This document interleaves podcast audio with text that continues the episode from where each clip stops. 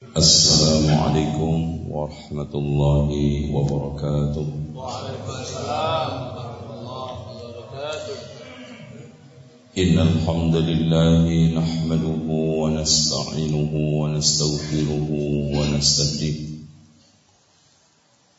ونعوذ بالله من شرور أنفسنا وسيئات أعمالنا. من يهده الله فلا مضل له ومن يضلل فلا هادي له. أشهد أن لا إله إلا الله وحده لا شريك له وأن محمدا عبده ورسوله. قال الله عز وجل يا أيها الناس اتقوا ربكم الذي خلقكم من نفس واحدة وخلق منها زوجها وبس منهما رجالا كثيرا ونساء. واتقوا الله الذي تساءلون به والأرحام. إن الله كان عليكم رقيباً. وقال تبارك وتعالى يا أيها الذين آمنوا اتقوا الله حق تقاته ولا تموتن إلا وأنتم مسلمون. وقال عز وجل يا أيها الذين آمنوا اتقوا الله وقولوا قولا سديدا يصلح لكم أعمالكم ويغفر لكم ذنوبكم ومن يطع الله ورسوله فقد فاز فوزا عظيما. فإن خير الحديث كتاب الله وخير الهدي هدي محمد صلى الله عليه وسلم وشر الأمور محدثاتها وكل محدثة بدعة وكل بدعة ضلالة وكل ضلالة في النار Hadirin sekalian kita masih melanjutkan kupas tuntas ajaran dan dakwah Wali Songo yang tadi malam kita sudah jelaskan Islam atau sejarah umat manusia dari mulai Adam sampai berdirinya kerajaan Demak. Saya kira tidak usah saya ulangi. Adapun yang tidak mengikuti bisa minta rekaman panitia. Sebelum saya memulai untuk menelusuri jejak sejarah dakwah dan ajaran Wali Songo. Saya ingin sampaikan sejarah atau manuskripsi yang dijadikan rujukan untuk menulis sejarah di Indonesia, terutama sejarah dakwah Wali Songo.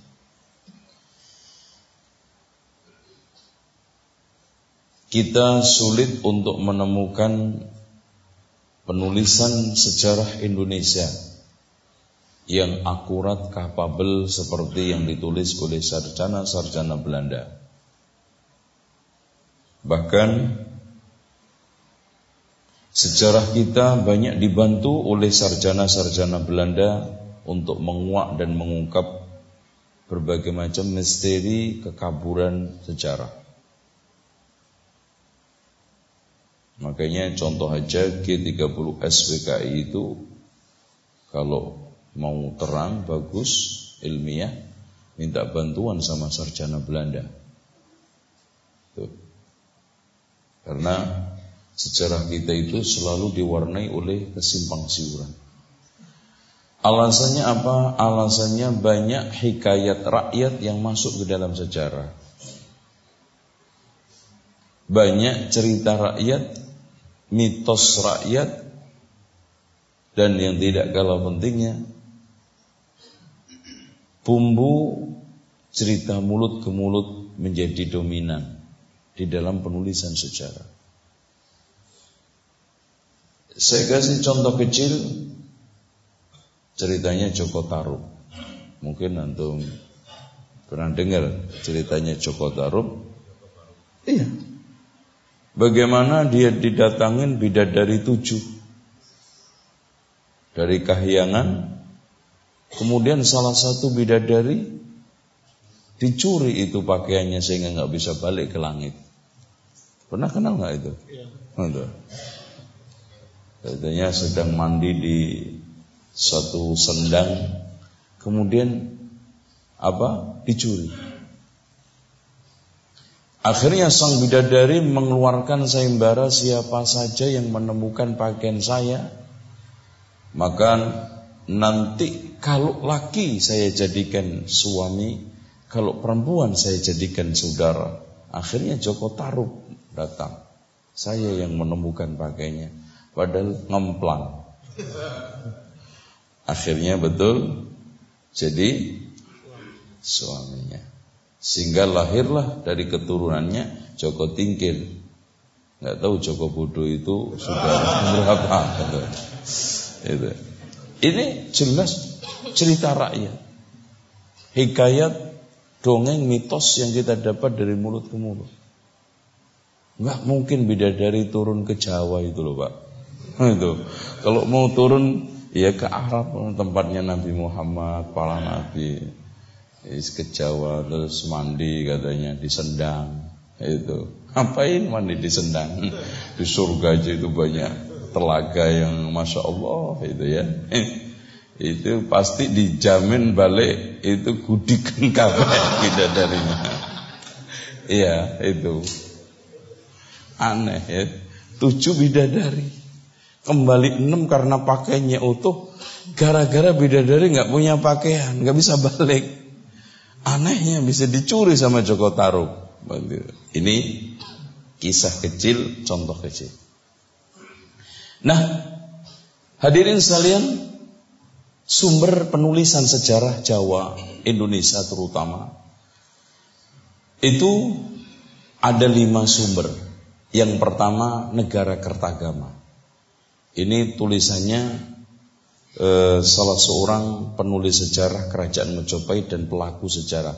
Makanya di antara sekian sumber ini yang paling agak mendekati agak sedikit lumayan.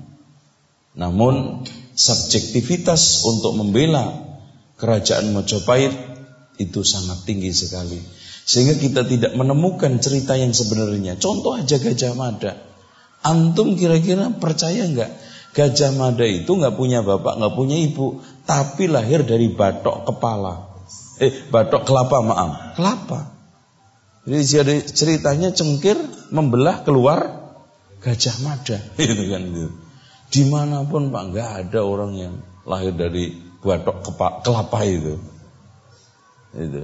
Itu, itu tertulis di dalam beberapa se buku sejarah. Tulisan Indonesia. Yang keduanya Pararaton.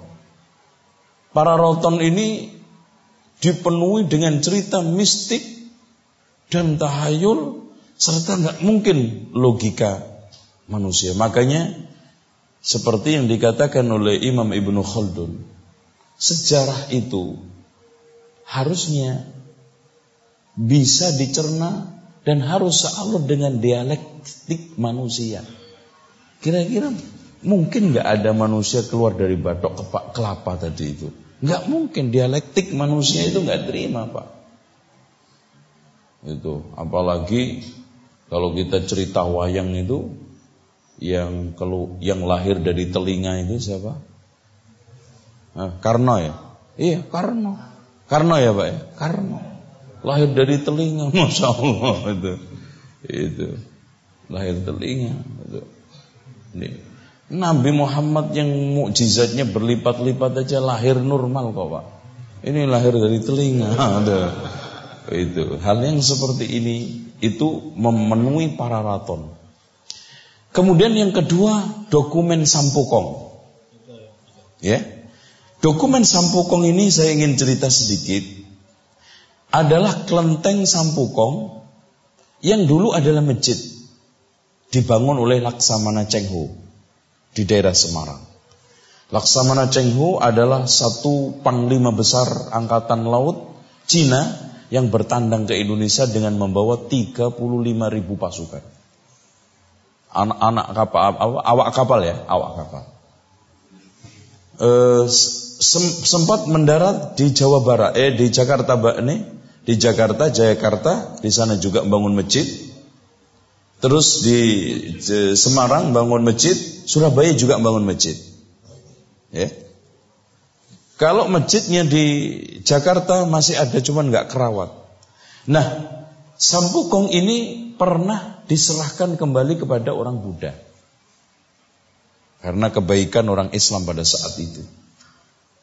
Kemudian setelah itu diserahkan lagi kepada orang Islam. Pada saat penyerahan itulah ditemukan dokumen Sampukong alias dokumen sejarah penulisan Wali Songo versi Cina. Jadi kalau di situ itu Pak, semua wali itu Cina. Duit pokoknya kalau enggak langsung secara tidak langsung turunan itu dicari-cari oh ternyata keturunannya Cina ini Cina. Nah kalau di Surabaya masih ada sampai sekarang masjidnya dan digunakan di, sekarang dikelola oleh Persatuan uh, Tionghoa Islam. Apa itu namanya? Iya itu. Itu banyak orang-orang Tionghoa yang masuk Islam diislamkan di sana. Itu ya. Dan kalau ke sana itu e, ciri khasnya dicopet orang. Itu ya. itu banyak copet kalau keluar. Itu. Nah hadirin sekalian yang dirahmati Allah selanjutnya e, sumber sejarah kita dokumen Sampokong yang yang keempatnya, eh, maaf, gitu, babat tanah Jawi. Ya, maaf, ini penting ini. Babat tanah Jawi banyak versi sekali. Tapi versi yang paling kuno adalah babat tanah Jawi, cerita Jawa dari cerita manusia dari mulai zaman Nabi Adam sampai kerajaan Islam Mataram. Itu ini juga menjadi sejarah. Tapi sayangnya itu tadi muatan mayoritasnya adalah ditulis dari kikayat, dongeng, cerita rakyat. Makanya yang sekalian sepakat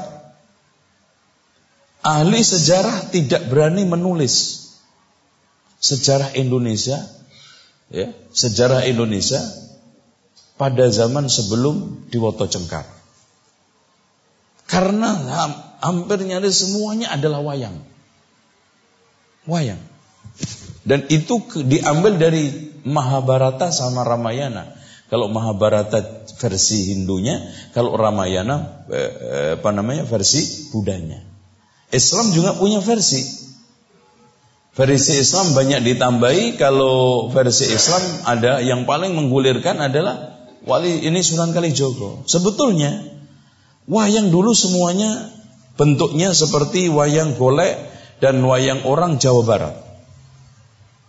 Itu. Cuman ketika itu terjadi debat sengit di Masjid Demak antara Sunan Giri dengan Sunan Kalijogo soal masalah perwayangan. Apalagi ketika saat Masjid Demak ingin diresmikan, maka Sunan Kalijogo usul sezugianya kita resmikan dengan pertunjukan wayang kulit semalam suntuk di masjid. Akhirnya Sunan Kalijogo, Sunan Giri marah. Ini apa-apaan? akhirnya Sunan Kalijogo dipanggil. Eh, Kalijogo, ya, kamu katanya usul mau ada pertunjukan wayang kulit di masjid. Musik itu kan haram dan wayang itu patung. Gimana masuk ke rumah Allah Subhanahu wa taala? Akhirnya pas pada saat itu karena Sunan Giri itu sangat wibawa, ya. Walaupun asal usulnya juga e, masih perlu didudukkan e, nanti mudah-mudahan kita bisa cerita di akhir kita bisa runut ya. Intinya dia itu cucunya Bupati Blambangan ya. Itu. Karena ceritanya Maulana eh, Ishak ya, Maulana Ishak.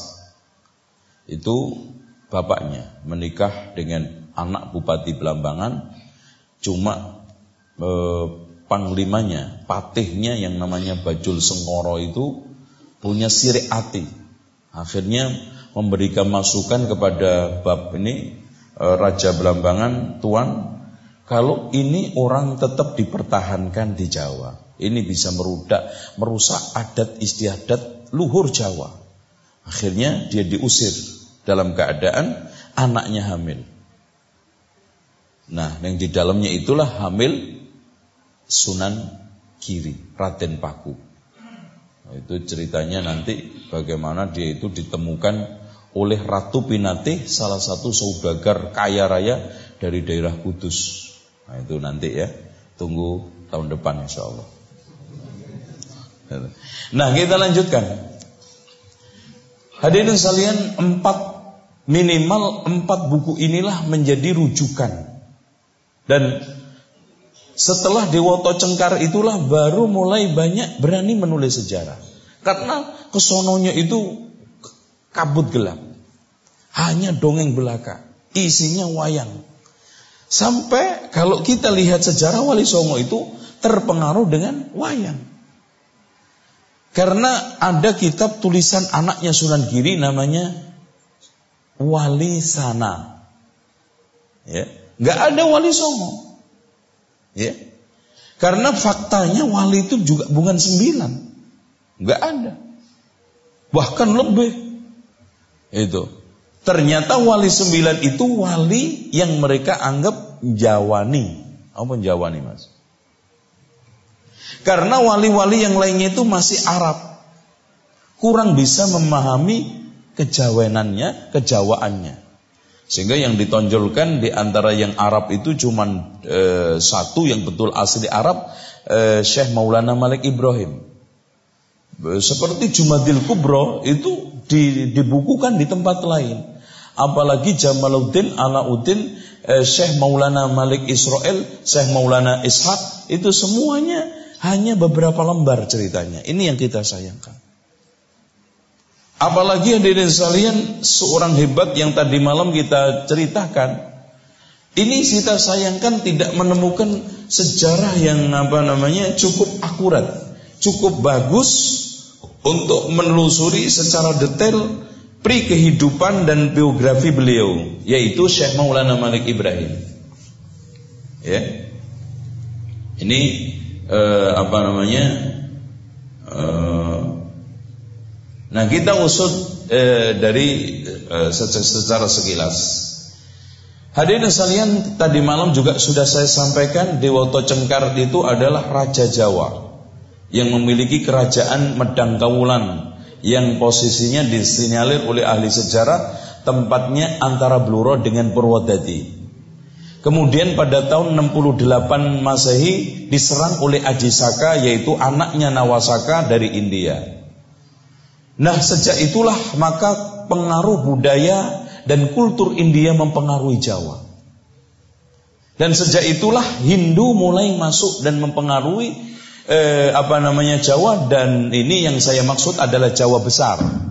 Karena Jawa itu terbagi menjadi dua, Jawa besar yaitu meliputi Malaysia, Singapura, Sumatera, Jawa sampai Bali. Makanya kenapa dikatakan Jawa-Jawa dari kalimat Dowo? Karena Aji Saka setelah masuk dan menjajah, menaklukkan, ini pulau kok Dowo banget.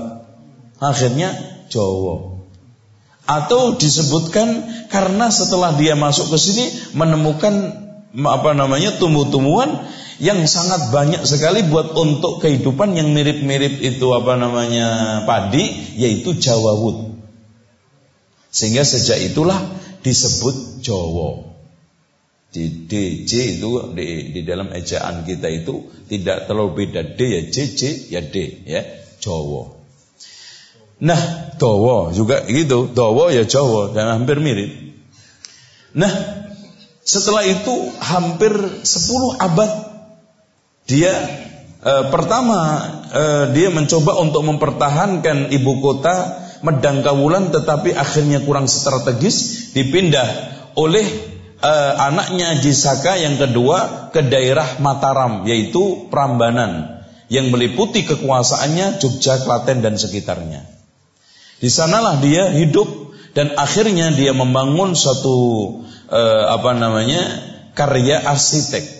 Ya terus terang hadirin sekalian lepas dari agama perlu diketahui bahwa karya arsitek ilmu pengetahuan dan juga apa namanya eh, ini budaya itu sangat sangat maju.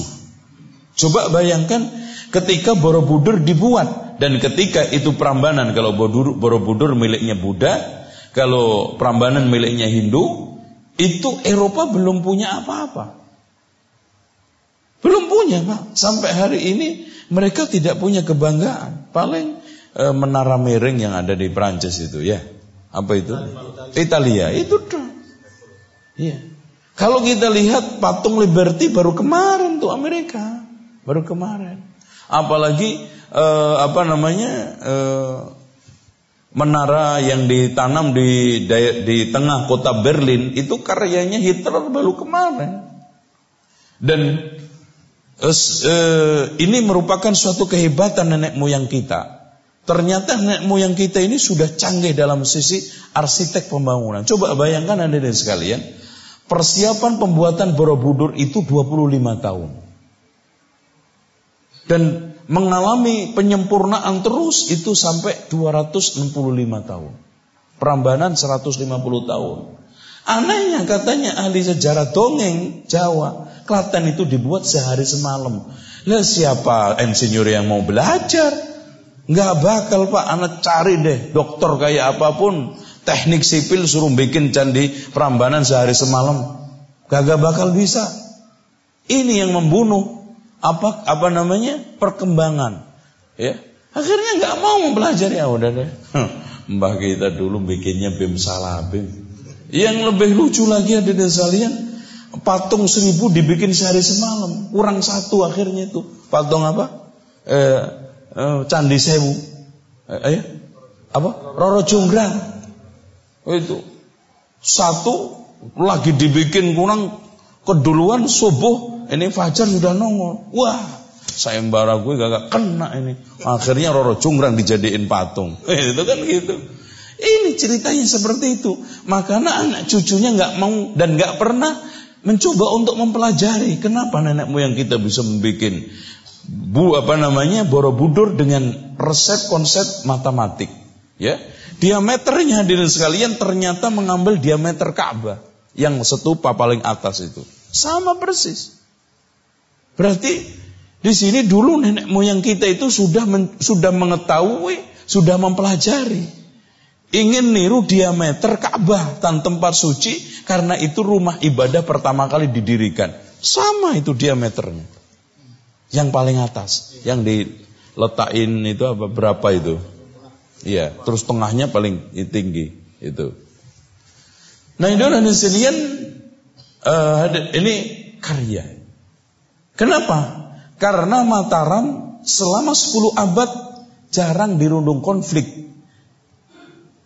Konflik yang menimpa bangsa kita sejak zaman dulu itu selalu hegemoni kekuasaan perebutan perang persaudaraan dan perang agama yang ketiga. Itu yang selalu membuat stagnan.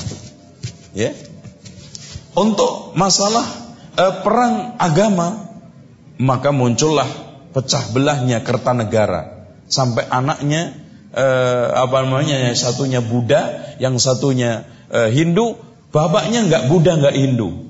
Bikin agamanya sendiri, membuat agama sendiri. Apa? Siwa Buddha Siwa mewakili Hindu, Bu itu Buddha, Jah Jawa. Jadi Jawa ada, Buddha ada. Karena Jawa itu maksudnya animisme.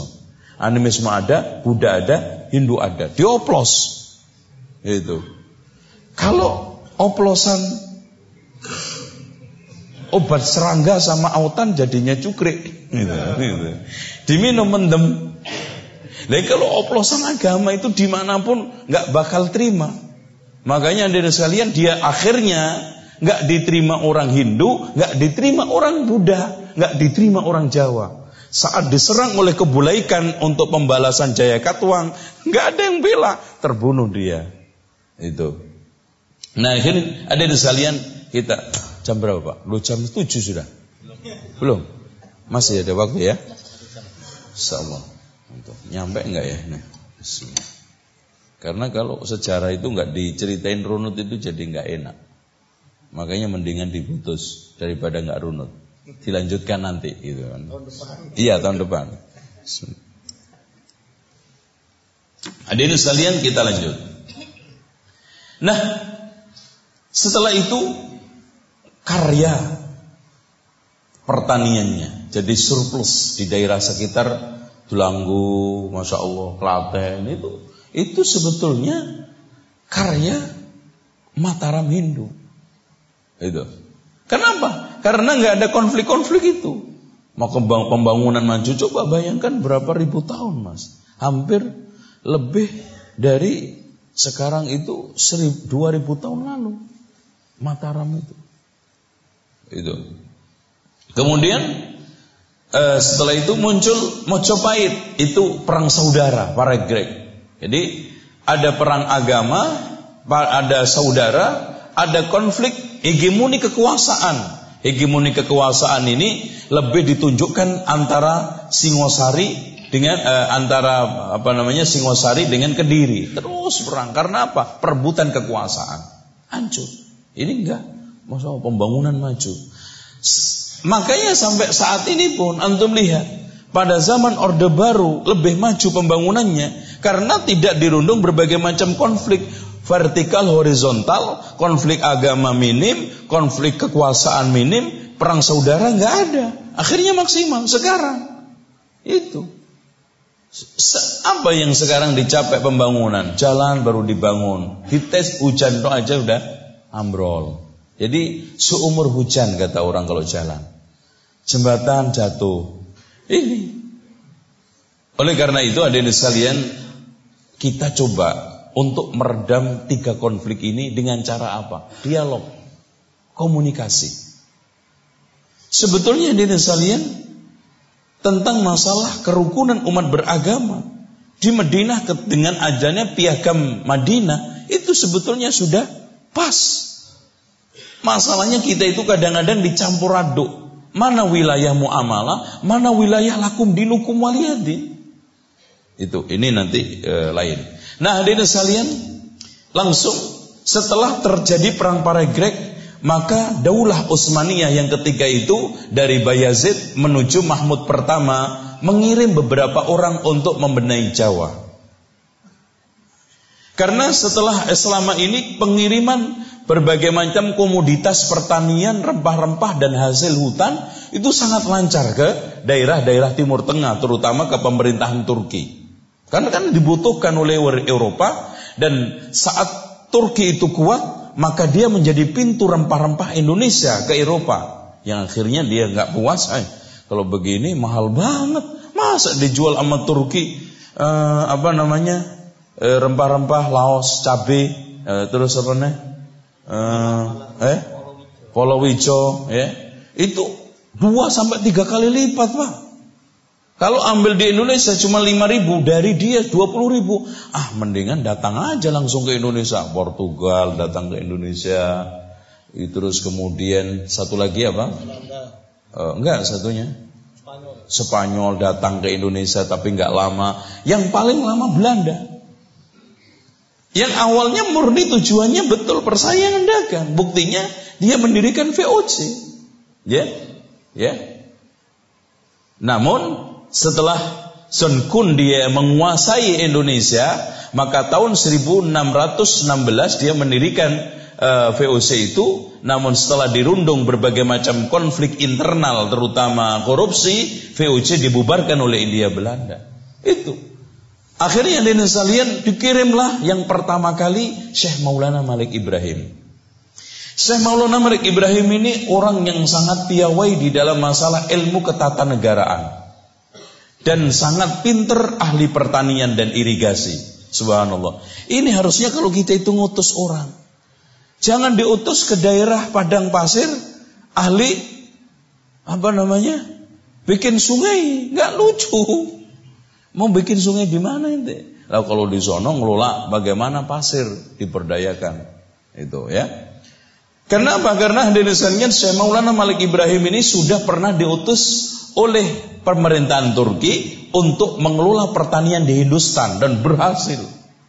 Makanya setelah datangnya beliau dari eh, daerah utara timur itu semua hasil pertaniannya surplus dan bagus ya sampai daerah Lamongan, kemudian e, Surabaya bagian barat semua, cuman yang timur itu diberdayakan tambak sampai sekarang. Itu atas ide gagasan Syekh Maulana Malik Ibrahim. Sambil juga dia itu ahli rukyah dan herbalis. Tapi jangan herbalis kayak sekarang model oplos. Ah, yang penting ngoplos saja. Ini bukan jualan jamu gendong, Pak. Tolong pakai uji klinik laboratorium. Kadang-kadang subhanallah empat lima macam sampai delapan ini dioplos. Kencur, jahe, madu, haba sauda, terus jin, apa namanya e, zaitun, dioplos jadi satu. Terus akhirnya Pak, gimana Pak? Enak nggak Pak? Ya, alhamdulillah Pak. Kentut lancar. itu. Hasilnya itu aja, kentut lancar. Bahaya Pak. Nanti yang disalahkan siapa? Rasulullah. Padahal nggak pernah ngasih royalti sama Rasulullah. Iya. Ini kurang ajarnya itu herbalis. Wah, nama Nabi dijual, tapi Nabi nggak pernah dikasih fee. Itu. Makanya kalau Nabi nggak pernah dapat fee, tolong jaga nama baik Nabi. Yang selamat haba sauda, minum aja haba sauda, nggak usah dicampur-campur. Karena komposisi itu nanti mereaksi, menghasilkan reaksi kimia. Contoh aja di sana, menurut kita kan bawang putih, bawang merah kalau dicampur bagus, jadi sampah. Nah, itu. Oke. Okay. Sehingga dari sekalian pertaniannya digarap dengan baik sampai dia itu nggak pernah dakwah di masjid di ini pak ke sawah karena masih animisme Hindu nggak bakal laku. Ayo, ayo kajian tablet nggak ngerti mereka. Dia datang ke sawah sambil ngajari pertanian ya ini caranya bertani.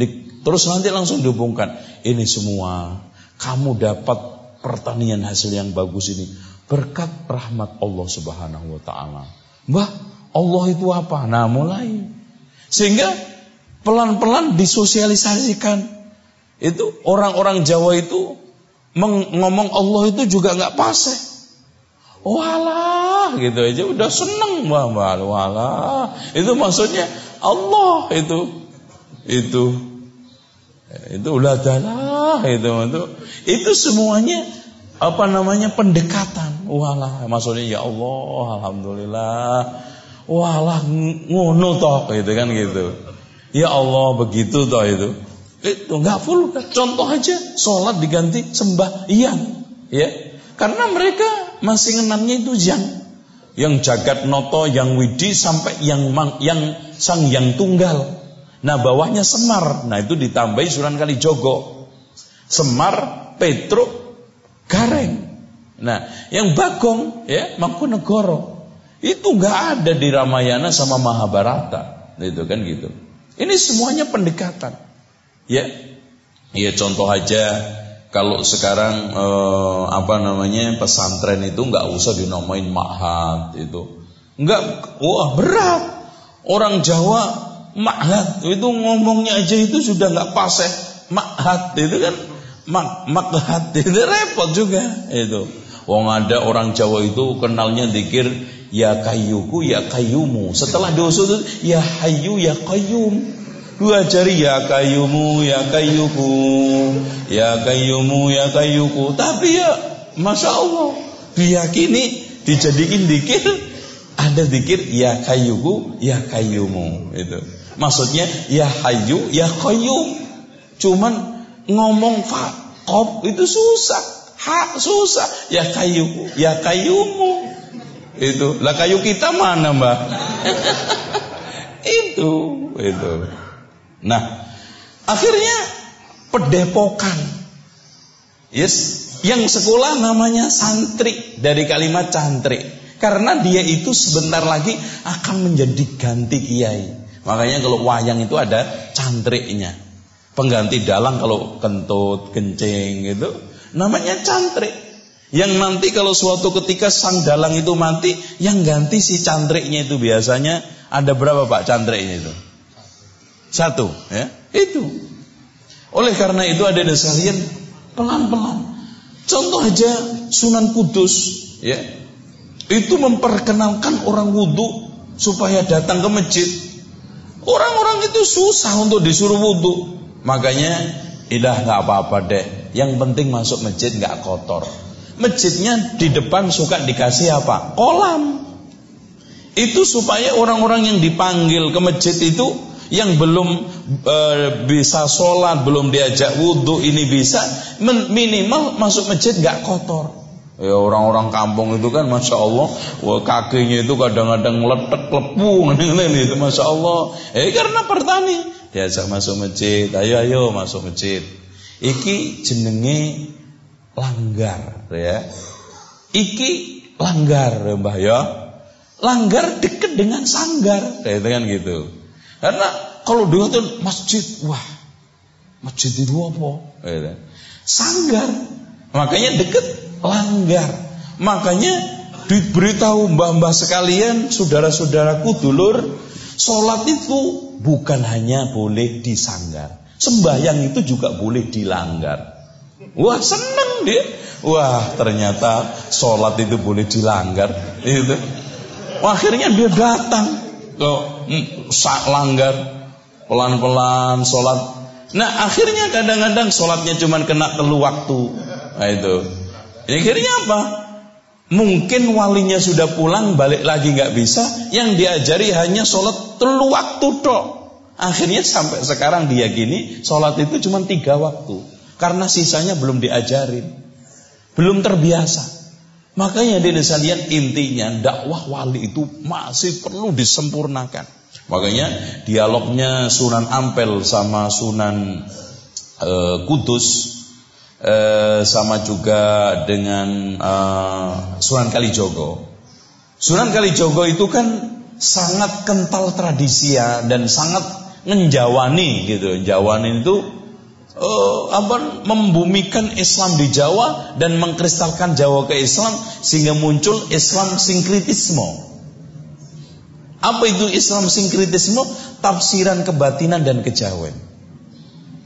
Itu dikritik. Bukankah tradisi-tradisi ini akan menjadikan bid'ah di dalam agama? Katanya Sunan Kudus, enggak mbak, iya iya mbak. Tapi memang untuk saat ini perlu pendekatan. Ya, untuk saat ini tidak tidak mudah untuk merubah secara total. Mudah-mudahan nanti Mbak ada generasi berikutnya yang bisa merubah ini semuanya. Loh, berarti di sini beliau berharap ini nggak final, ini nggak sempurna. Masih sangat masih sangat tunas. Mudah-mudahan nanti ada generasi berikutnya yang bisa melanjutkan misi kita, gitu. Makanya ketika kita dialog dengan eh, ininya saudara kita Idrus Romli, kita jelaskan bahwa hal-hal yang seperti ini harapannya Wali Songo itu kita yang rubah dan ini harusnya sudah waktunya kita. Oh zaman Wali Songo dulu udah berapa ratus tahun kan, masuk kembali Wali Songo lagi. Maka harapan beliau mulai saat inilah ada perubahan-perubahan. Nah, hadirin sekalian Syekh Maulana Malik Ibrahim itu kebesarannya coba lihat aja. Di makamnya ditulis inilah makam Al-Maghfur yang berharap rahmat Allah. Kebanggaan para pangeran. Coba bayangkan. Ada Pak pejabat yang dielulukan seperti ini. Karena memang sudah disetel Turki karena Turki dulu pada zaman Muhammad Fatih ingin menaklukkan Indonesia. Ingin menjadikan Indonesia itu langsung di bawah kekuasaan Turki karena sudah terkenal, Pak. Tolong Indonesia itu sudah terkenal sebelum Islam. Bahkan ada peta yang dibikin oleh salah seorang barat. Peta itu dibuat ya 350 sebelum Masehi. Itu di situ sudah ada Barus, tapi belum ada Indonesia. Karena Indonesia itu baru disebut 68 itu baru dinamai Jawa. Kemudian dinamai Nusantara oleh Gajah Mada. Indonesia baru kemarin. Indonesia. Gitu ya. Jadi Indonesia ini negara yang sangat muda, makanya apa pun belum punya definisi. Ya. Apa pun belum ada yang kita bisa ciriin khas. Contoh aja, ciri khas masjid Indonesia itu kayak apa? Ayo. Masing-masing daerah punya ukuran sendiri. Karena apa? Beda dengan Cina. Yang sudah memang apalagi e, Mesir. Ya. Apalagi Mesir. Sudah apalagi India. Sudah uh, Masya Allah besar. Ya gitu. Nah, disebutkan sendi para sultan dan para menteri penolong fakir miskin subhanallah yang atas yang bawah yang tengah kena semuanya yang berbahagia lagi syahid cemerlangnya simbol negara dan agama Malik Ibrahim yang terkenal dengan kakek bantal karena menjadi tumpuan banyak orang Allah subhanahu wa ta'ala melimputinya dengan rahmatnya dan keridoannya. Telah wafat pada hari Senin 12 Rabiul Awal 822 Hijriah. Allahu Akbar. Ini tokoh. Dan inilah kalau ada, insya Allah bisa jadi pemimpin Indonesia. Bisa menjadikan apa namanya e, rakyat fakir miskin juga. Subhanallah. Yang pangeran, yang menteri, yang raja tunduk, yang sultan tunduk. Ya. Makanya dikandidatkan oleh pemerintah Turki kalau Indonesia sudah di bawah pemerintahan kita, maka dialah yang menjadi pimpinan walinya. Wali itu istilahnya peng makanya dulu zaman Umar kan wali waliyu al Basra al, al, al apa Abu Abu Musa al Ashari kan gitu. Wali wali itu petugas yang ditetapkan oleh raja pusat, oleh khalifah pusat untuk ditugaskan di situ. Makanya ini juga sama. Wali songo kalau ada benar, ya. Nah ini sekalian, eh, loh, saya ini jadi bingung yang mana yang didulukan. Ana perlu menyampaikan wali songo. Ya. Hadirin sekalian, wali itu petugas tadi. Sembilan yang dikirim Turki untuk membenahi Jawa. Apalagi pasca perang para Grek yang ancur-ancuran Jawa, hasil pertanian hutan rempah-rempah sudah tidak terkirim lagi ke Turki. Akhirnya dikirim orang sembilan tadi berbagai macam ahlinya ada yang irigasi, ada yang itu tadi. Nah, hadirin sekalian, Wali Songo ini pertama kali yang menggulirkan adalah murid-muridnya Panji Notoroto. Ya. Sebetulnya wali itu lebih dari 20. Kenapa Songo? Karena yang sembilan inilah dianggap bisa mewakili semua wali dan hebat karena orang Jawanya. Ini sudah ada anti Arab. Nah, dari sekalian perlu diketahui bahwa Wali Songo ini sebetulnya cerita pengambilan dari cerita wayang. Karena di dalam pewayangan itu dewa jagat noto, nah, eh, noto jagat, jagat noto, ya, itu ada sembilan. Ya, karena pancer itu ada delapan, yang paling tengah-tengahnya adalah itu sembilan jadinya, maka masing-masing pancer ini ada walinya. Pancer utara, selatan, timur, barat, pojoknya empat berapa? Delapan. Yang tengah satu. Sehingga dibutuhkan kalau di dalam cerita Hindu Budanya dewa sembilan itu adalah dewa paling menentukan itu yang dikepalai oleh jagat noto. Kemudian yang selanjutnya Islam ya ada begitu. Wali ini seperti pendeta, ini dewa yang memang menjaga bumi. Makanya paku buminya adalah sembilan orang ini. Ini sudah campur aduk antara cerita wayang sama kenyataannya. Intinya saya lebih percaya wali itu tidak hanya sembilan. Karena dari sembilan itu semuanya, ya dari sembilan ini yang kita coba eh, satu Maulana Malik Ibrahim, Sunan Ampel, Sunan Bonang, Sunan Derajat, Sunan Giri, Sunan Kudus, Sunan Muria, kemudian Sunan Gunung Jati dan Kalijogo. Sembilan. Mana sekarang ini Syekh Alauddin, Syekh Jamaluddin, Syekh Subakir, Syekh Jumadil Kubro, nggak ada. Syekh Maulana Malik Israel nggak ada. Bahkan eh, Sunan Geseng juga nggak masuk di sini. Sunan Geseng alias Pandanaran. Itu nggak masuk. Intinya wali itu tidak hanya sembilan. Itu apalagi di Bali tambah lagi berapa walinya?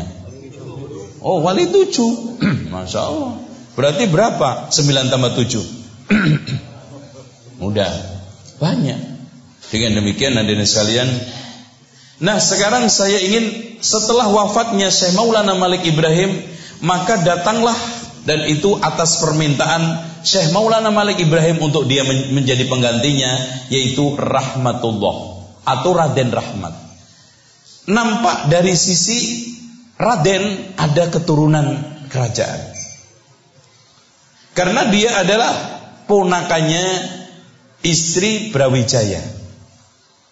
Ya, yang menikah dari putri Campa dinikahinya dan ini adalah adik ibunya sehingga datang dalam rangka silaturahmi dan mencoba untuk mengawali dakwah.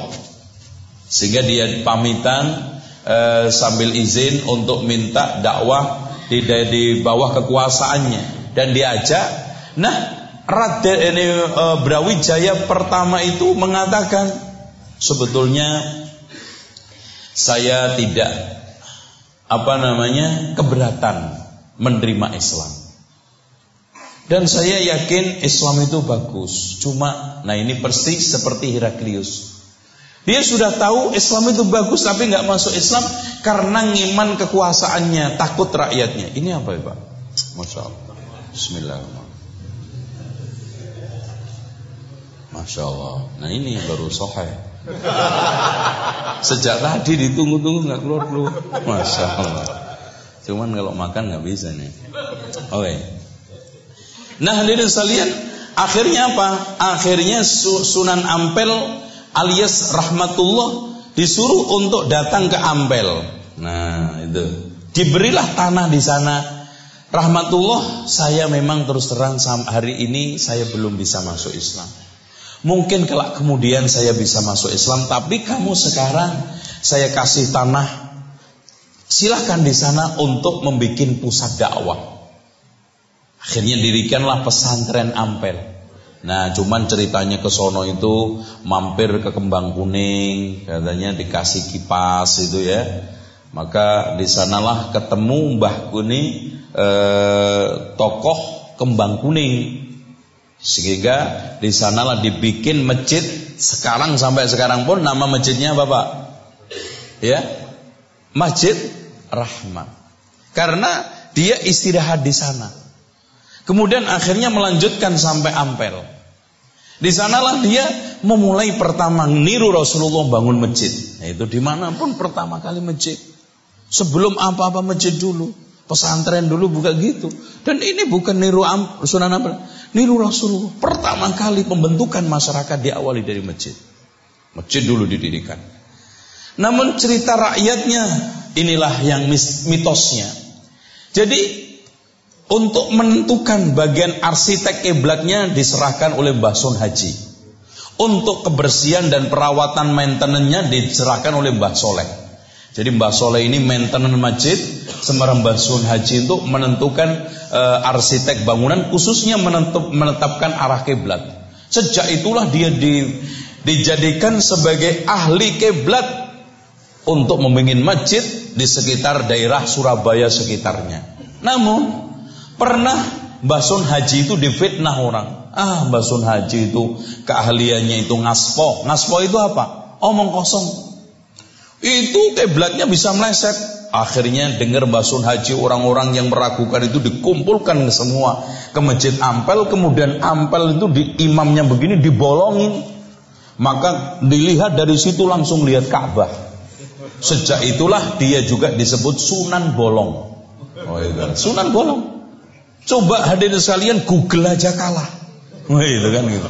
Padahal Google itu eh, apa namanya ditemukan berapa ratus tahun kemudian Mbah Sun Haji sudah bisa melihat langsung dari Masjid Ampel Ka'bah kelihatan. Wah, tuh. Gimana? Menurut kalian? Wah, ya Mbah. Pokoknya sejak hari ini saya akui kehebatan Mbah untuk meletak apa namanya menetapkan arah kiblat. Wah, sejak itu terkenal Mbah Sun Haji ahli arah kiblat nggak salah. Tapi banyak masjid miring semua sekarang. Salah kiblatnya. Ini menyelisih Mbah Sun Haji. Itu kekering Mbah Sun Haji itu nggak dirawat dengan baik, ya kan gitu. Ini jelas mustahil, Pak. Sehebat-hebatnya orang, ya. Anehnya di dalam kisah lain itu ngambil daun pisang dilinting, kemudian dikeker. Itu Allah. Subhanallah, Pak. Oh, itu alat yang sudah dibeli 150 juta oleh Depak untuk melihat bulan aja kadang ketemu, kadang enggak. Ini cuma lintingan daun pisang itu bisa ngelihat Ka'bah itu. Ya Allah, aneh-aneh. Nah, yang selanjutnya Mbah Soleh. Wah, Mbah Soleh ini ahli maintenance. Masjid itu selalu clean bersih. Nah, suatu ketika Mbah Soleh itu meninggal dunia. Orang yang tukang rawat masjid yang sebersih ini itu nggak ada. Akhirnya Mbah Ampel mau sholat begini lagi mau sholat waduh ini masjid kumuh semua. Coba kalau Mbah Soleh masih hidup masjid nggak kayak begini. Eh tiba-tiba Mbah Soleh hidup. Muncul muncul muncul muncul wah akhirnya wah nyapu masjid lagi. Nggak selang lama berapa bulan mati itu Mbah Soleh. Ya akhirnya apa Mbah Ampel ngeluh lagi waduh. Ini coba. Mbah Soleh kalau masih hidup masjid nggak mungkin hidup lagi. Sampai sembilan kali pak. Coba bayangkan. Makanya di Ampel itu ada orang yang punya kuburan sembilan. Siapa itu? Ya Mbah Soleh. Anehnya pernah dibongkar bener yang ada manusianya cuma satu toh ini nggak mungkin pak anehnya sampai sekarang pun orang banyak mengirim kalau di sana lagi nyekar lagi ziarah ila hadrati uh, as-sahib qabr at-tis'ah al-fatihah kepada pemilik kuburan sembilan al-fatihah dikirim. Padahal yang isi cuma satu tok. Ini mirip seperti tindakan Umar. Pernah zaman Abu Musa al-As'ari ketika jadi gubernur di bawah wilayahnya ketemu kuburannya Daniel Daniel itu salah satu nabi pada zaman Nabi Bani Israel akhirnya banyak orang yang mengkultuskan sehingga Umar bin Khattab punya ide. Ini kalau nanti dibiarkan kuburan ini bisa dikeramatkan. Akhirnya pada waktu malam hari dia bikin eh, 13 lubang. 13 lubang. Sehingga saat malam hari nggak ada orang sama sekali kecuali beberapa orang yang telah ditetapkan oleh Umar bin Khattab radhiyallahu an maka dikuburlah di salah satu 13 lubang itu. Semua dibikin kuburan semua. Sehingga orang mana nih ya kuburannya ini? 13 ini. Ini nomor sial ini kan gitu kalau orang cak. Akhirnya setelah itu sudah nggak ketemu lagi. Makanya dan sekalian sepakat para ulama. Kuburan yang muttafaqun alaih jelasnya cuma satu yaitu Rasulullah, yang mukhtalaf yaitu Ibrahim. Setelah itu nggak jelas. Makanya kalau ada klaim ini kuburan ini fulan, kuburan Nabi ini fulan, termasuk kuburan Nabi Shu'aib, semuanya 90% diragukan. Yang muttafaqun alaih Rasulullah, jelas. Yang mukhtalaf masih ya apakah benar itu Ibrahim? Setelah itu enggak ada. Oleh karena itu, pengkultusan kuburan seperti ini eh, sudah sejak lama tumbuh muncul di eh, kalangan umat Islam. Nah, hadirin sekalian, Mbah Hampel karyanya Masya Allah hebat. Kaderisasinya jadi semuanya.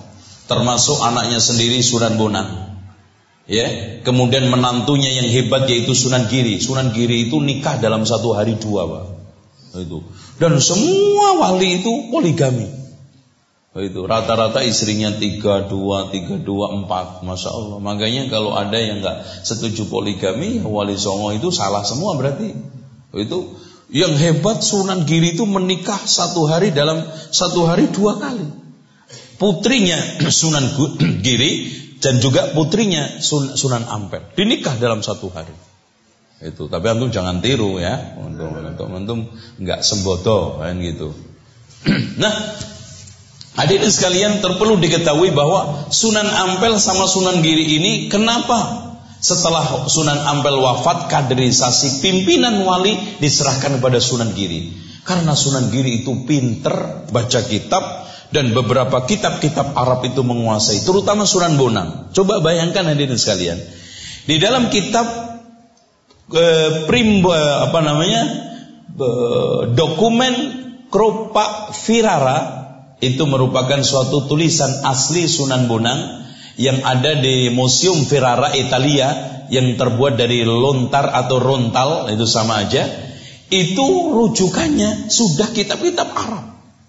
Coba bayangkan dia terlepas dari di dalamnya itu terdapat penyimpangan. Di situ rujukannya hebat Pak. Kutul Qulub. E, terus kemudian Ihya Ulumuddin. Beberapa kitab Arab sudah menjadi rujukan Sunan Bonang. Berarti sudah kenal Arab. Ya. Dan kemungkinan besar dia di Arab. Cuma di sana ada cerita rakyat dongeng.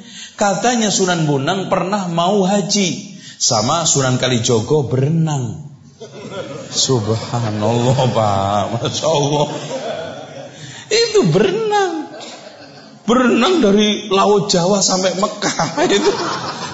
Udah deh, anak jamin tenggelam di Selat Malaka tuh mati deh. Itu Pak, anehnya. Dan itu diceritakan. Sunan Bonang itu haji eh, apa namanya? Ini mau renang. Itu subhanallah itu ini sehingga kapal yang canggih pada zaman ini Nabi Nuh kemudian diperbaiki oleh kekuatan Sriwijaya Sriwijaya itu terkenal dengan maritimnya Pak makanya perang di mana pun itu menang termasuk akhirnya Mataram diobrak abrik Mataram Hindu oleh Sriwijaya karena kekuatan maritimnya hebat. Nah kenapa Wali Songo nggak mencoba menggali ini kok malah renang? Itu harusnya wong Gajah Mada aja itu apa namanya eh perja apa namanya lawatan eh, dagangan kapal itu sudah sampai Afrika. Makanya orang-orang Jawa di Afrika itu banyak masih dan namanya masih Jawa. Dan bisa bahasa Jawa tapi Indonesia nggak bisa. Di Afrika itu aja turunan orang Jawa dan jadi tokoh. Semua orang-orang yang pernah kerja di kedutaan Afrika itu paham. Itu. Orang Jawa itu. Oleh karena itu hadirin sekalian, hal-hal yang seperti inilah yang harus kita catat. Nah, yang lebih hebat santrinya. Bahwa santri anaknya sendiri Sunan Derajat, mana anaknya juga Sunan Bonang, menantunya Sunan Kalijogo, menantunya Sunan Gari. Dan hampir seluruh santrinya nyebar ke seluruh Indonesia termasuk Sumatera. Cuman anehnya nah kita mulai masuk cerita Sunan Giri. Sunan Giri itu anak Syekh Maulana Ishak yang nikah dengan anak putri Blam, e, Blambangan, ya, yaitu Dewi Sekardadu. Nah, pada saat itu terjadi biasa, ya, dia dakwah, kemudian setelah itu dia apa namanya ini ternyata Arabismenya ini terlalu nonjol kalau pada mereka pada Islam. Cuman ah ini Arabnya terlalu kental kalau begini Jawa bisa bubar. Akhirnya Patih Bajul Sengkoro usul Tuan kalau ini anak tetap dipertahankan di Jawa bisa merusak tatanan Jawa. Terus gimana? Bunuh aja atau usir suruh pulang. Akhirnya dipuluh pulang dalam keadaan Dewi Sekardadu hamil. Kemudian setelah itu setelah lahir maka diusul wah ini tuan ini kayaknya anaknya ini nggak jauh-jauh dari bapaknya ini. Bahaya juga. Ini harus dilenyapkan juga. Terus gimana? Ya dibuang aja ke lautan. Eh, jadi kayak cerita Nabi Musa. Akhirnya dibikin kala peti yang bagus, diletakkan bayinya itu Sunan Kiri, maka dilemparlah dibuang ke laut utara. Sampai eh, yang namanya apa namanya ketimbul apa ngapung itu larinya ke Bali di Bali sini ada pelayaran Ratu Pinatih, salah seorang janda kaya raya yang cantik gak punya anak, nubruk kapalnya itu. Wah kaget, apa nubruk karang? Akhirnya setelah ditengok ternyata kotak. Setelah disuruh ambil ada bayi yang ganteng, masya Allah, wah ini Ratu Pinatih bakal seneng. Udah gak punya anak, ini anak ganteng. Setelah ditunjukkan wah senengnya iram-iram. Akhirnya dijadikanlah anak pungut sampai akhirnya menginjak usia remaja maka dipondokkanlah ke pondoknya Sunan Ampel itu dipondokkan. Awalnya ini ibu, sang ibu angkat ini nggak nggak nggak tega karena anak satu-satunya ya Allah sedang lucu-lucunya. Namun alhamdulillahnya Sunan Giri punya karomah. Kalau mau pulang Surabaya sama Gresik itu pantainya mendekat sendiri, tinggal melompat pulang sehingga kalau mau pulang pergi gampang. Akhirnya diikhlaskan sama ibunya untuk mondok. Karena kalau mau pulang itu tinggal lompat, pantainya mengkerut sendiri. Coba Pak bayangkan. itu pantai mengerut. Ini cerita-cerita seperti ini loh yang kita harus luruskan. Akhirnya tinggal lompat, pulang kangen maknya ya lompat lagi. Nanti setelah lompat hmm, apa pantainya melebar lagi kembali ke tempat semula yaitu loh, mau balik ke pesantren nyiut lagi gitu. Masya Allah masya Allah. Nah hadirin sekalian mau Syekh eh, Sunan Giri ini dijuluki mufti Jawa. Karena kewibawaannya dan ketegasannya. Terutama di dalam masalah menegakkan dakwah ala Alkitab wa Sunnah.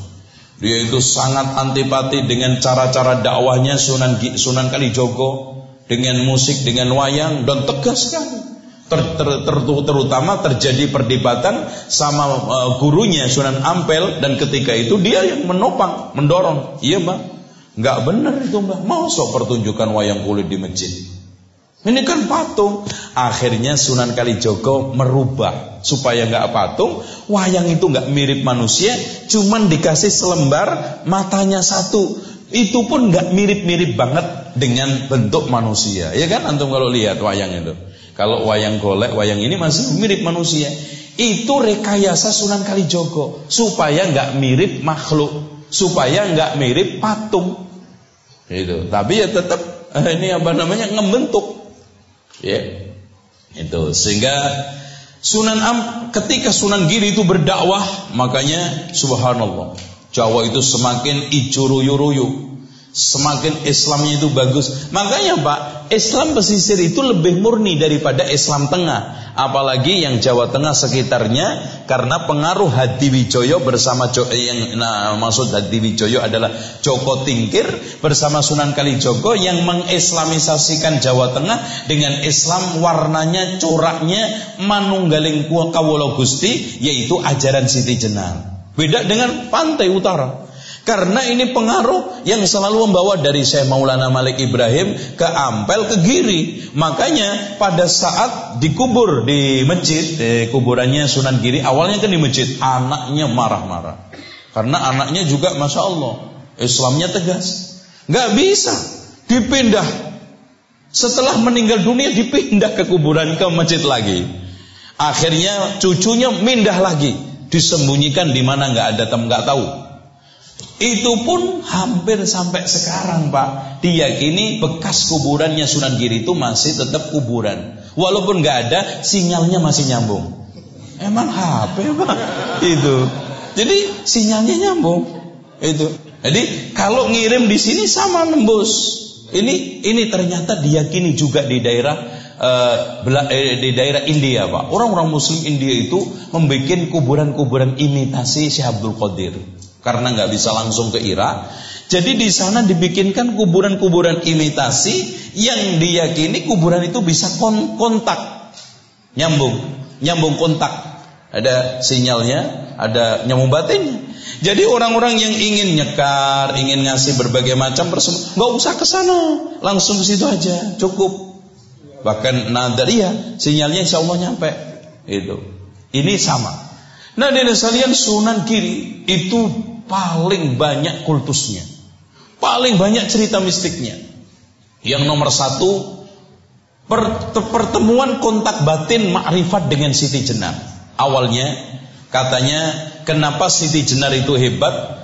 Karena pada saat Sunan Giri mengajarkan dikir uh, apa namanya uh, makrifat, maka saat itu Syekh Siti Jenar mencuri dengan menjelma burung gagak. Eh coba manusia jadi burung gagak.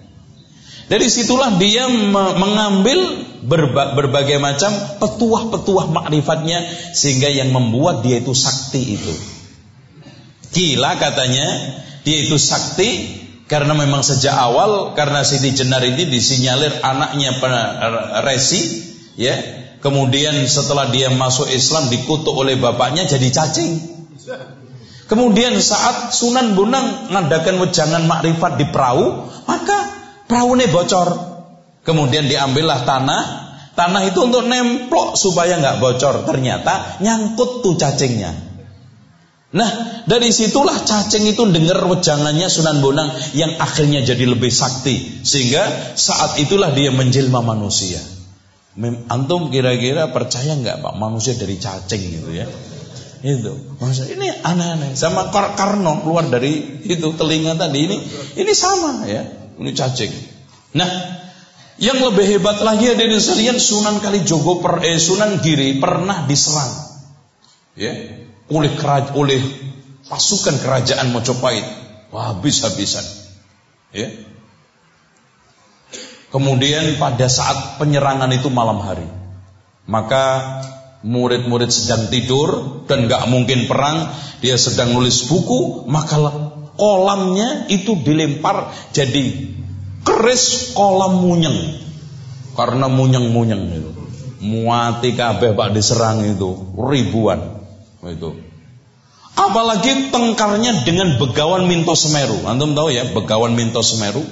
Dia seorang Buddha Hindu yang nantang adu kesaktian dengan Sunan Giri. Kalau kamu kalah masuk Hindu, kalau aku kalah masuk Islam. Wah itu. Kesaktian pertama kali Sunan eh Begawan Minto Semeru ngubur apa namanya dua ayam.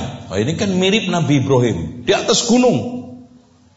Setelah itu tanpa diketahui oleh Sunan Giri apa yang dikubur. Ayo Sunan Giri tebak apa yang saya kubur. Katanya Sunan Giri yang kamu kubur adalah dua naga ular naga besar. Wah menang gue. Oh saya, saya tak kubur itu bebek kok.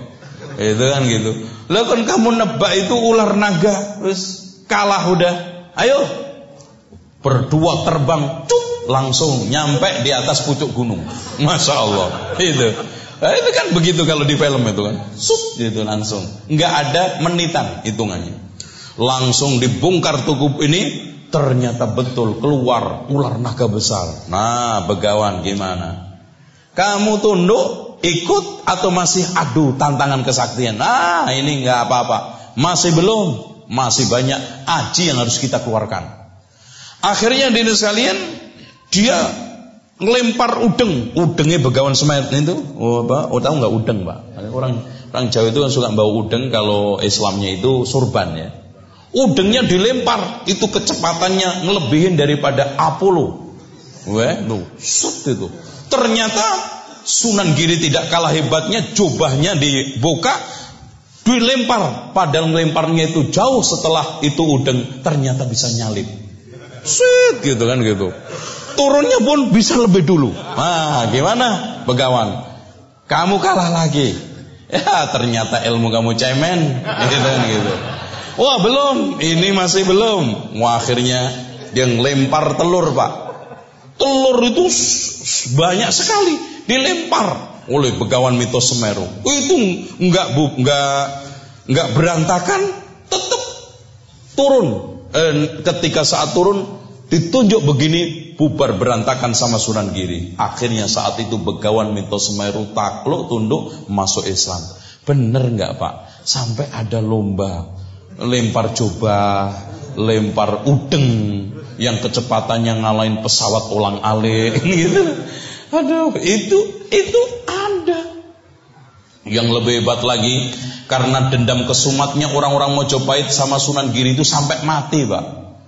Itu pada waktu malam hari beberapa puluh utusan kerajaan Mojopahit untuk membongkar itu kuburannya Sunan Giri. Kita encel-encel ini. Orang hidup nggak kena nggak pernah bisa kita kalahkan. Mati aja juga kita musuhin nggak apa-apa. Itu. Pokoknya kita itu pernah sekali-kali mata-mata membacokin dia. Akhirnya hadirin sekalian, setelah itu kuburan mau dibongkar, keluarlah tawon ribuan nyerang orang itu semuanya mati semuanya. Hal-hal yang seperti ini di sekalian tidak akan mungkin terjadi kalau hikayat mitos rakyat nggak masuk. Dan inilah nanti yang sedang kita juga olah terus eh, penulisan buku Wali Songo saya saya sudah mu, apa, memulai merancang itu sejak tahun 2004 sampai sekarang belum kena-kena. Karena memang itu tadi eh, tidak mudah. Kalau nulis sejarah Arab Pak dua tahun selesai. Karena apa? Jelas tanggalnya, tahun peristiwanya, tokoh-tokohnya, sanatnya enak. Wah ini sohain. Di sini Pak, soheh enggaknya itu sulit. Itu Masya Allah. Yang soheh aja sulit, apalagi yang do'if. Gitu, gitu. Itu yang berat. Makanya anak do, mohon didoakan bisa menyelesaikan. Ya. Nah, terus kemudian setelah pasca Sunan Giri, kekuatan Wali Songo sudah mulai melemah. Apalagi Sunan Kalijogo sudah menjadi senior. Wali-wali yang aliran putihah, mutiah, yang putih sudah banyak wafat. Kemudian pengaruh Jawa dan tradisional serta ini ajaran Siti Jenar semakin kental. Apalagi kong kali kong antara Joko Tingkir dengan Sunan Kalijogo yang Joko Tingkir disinyalir adalah turunan Joko Tarub tadi yang dari anak lahir bidadari, masya Allah, turunan bidadari berarti pak, ya, itu menyatakan resmi agama Mataram Islam adalah agama Manunggaling Kawulo Gusti. Itu agama resmi. Apalagi setelah dikembangkan oleh Panji Notoroto. Panji Notoroto ini eh, semacam eh, guru spiritualnya kerajaan yang sangat piawai dan disinyalir dia itu uh, santri Solo ya namanya apa namanya daerah Ban Sari Sari gitu loh Pak itu yang sekarang uh, ada pesantrennya di sana itu namanya pesantren aduh lupa ada pesantren kuno itu di sana nama kiainya Kasan Baseri dan Kasan Baseri ini pernah ya sebetulnya Al Hasanul Basri, Basri maksudnya. Cuman lidah Jawa nggak bisa ngomong Al Hasanul Basri. Jadi Kasan Basri. Itu. Kasan Basri. Itu pernah dialog sama Darmo Gandul sama Gadul Lucu. Nah itu untuk dialog Darmo Gandul sama Gadul Lucu dengan Kasan Basri Insya Allah kita nanti kapan-kapan tablek lagi Sekalian kita padukan dengan Siti Jenar nah, Siti Jenar, nah sama sekalian Gadul Lucu Itu kita Nah sudah mulai terjadi pembumian Islam. Apalagi Sunan Derajat, Sunan Kudus, Sunan Muria yang semua hampir punya tembang, sinomnya, micilnya, dandang kulonya. Ya, dan mereka masuk lewat nyanyian itu semuanya, dakwah. Sehingga semakin lama semakin jauh, apalagi pasca kemerdekaan eh, pra kemerdekaan muncullah Islam-Islam reformis. Ada Ki Ahmad Dahlan. Kenapa mendirikan Muhammadiyah? Karena beliau sangat terkagum dengan lima Muhammad. Ketika itu menjadi tokoh internasional Islam. Muhammad Abdul, Muhammad Jamaluddin Al-Awwani, Muhammad Rashid Ridho, terus kemudian Muhammad Sanusi dan Muhammad Abdul Wahab. Makanya Muhammadiyah. Makanya kalau sekarang ada orang Muhammadiyah nggak tahu sejarah ini ya berarti jas merah. Jangan melupakan sejarah. Itu ya. Itu seperti itu. Makanya dakwahnya pun nggak jauh dari visi misi mereka. Ya, saya sendiri ketika Pak AR Fakhrudin saat memberikan ceramah di Libya ketika itu, masya Allah, ya itu ahli sunnah salafi itu beliau bagaimana menjelaskan tentang sunnah, tentang bid'ah, masya Allah. Ya. Nah hadirin sekalian kemudian muncul eh, yang sebelumnya sebetulnya Cokro Aminoto adalah tokoh, masya Allah. Perlu diketahui setelah muncul VOC maka Samanhudi mendirikan SDI. Namun SDI itu tidak lama karena VOC dibubarkan India Belanda mendirikan pemerintahan dan Indi, eh, Belanda itu eh, menguasai Indonesia 350 tahun loh Pak. Masya Allah.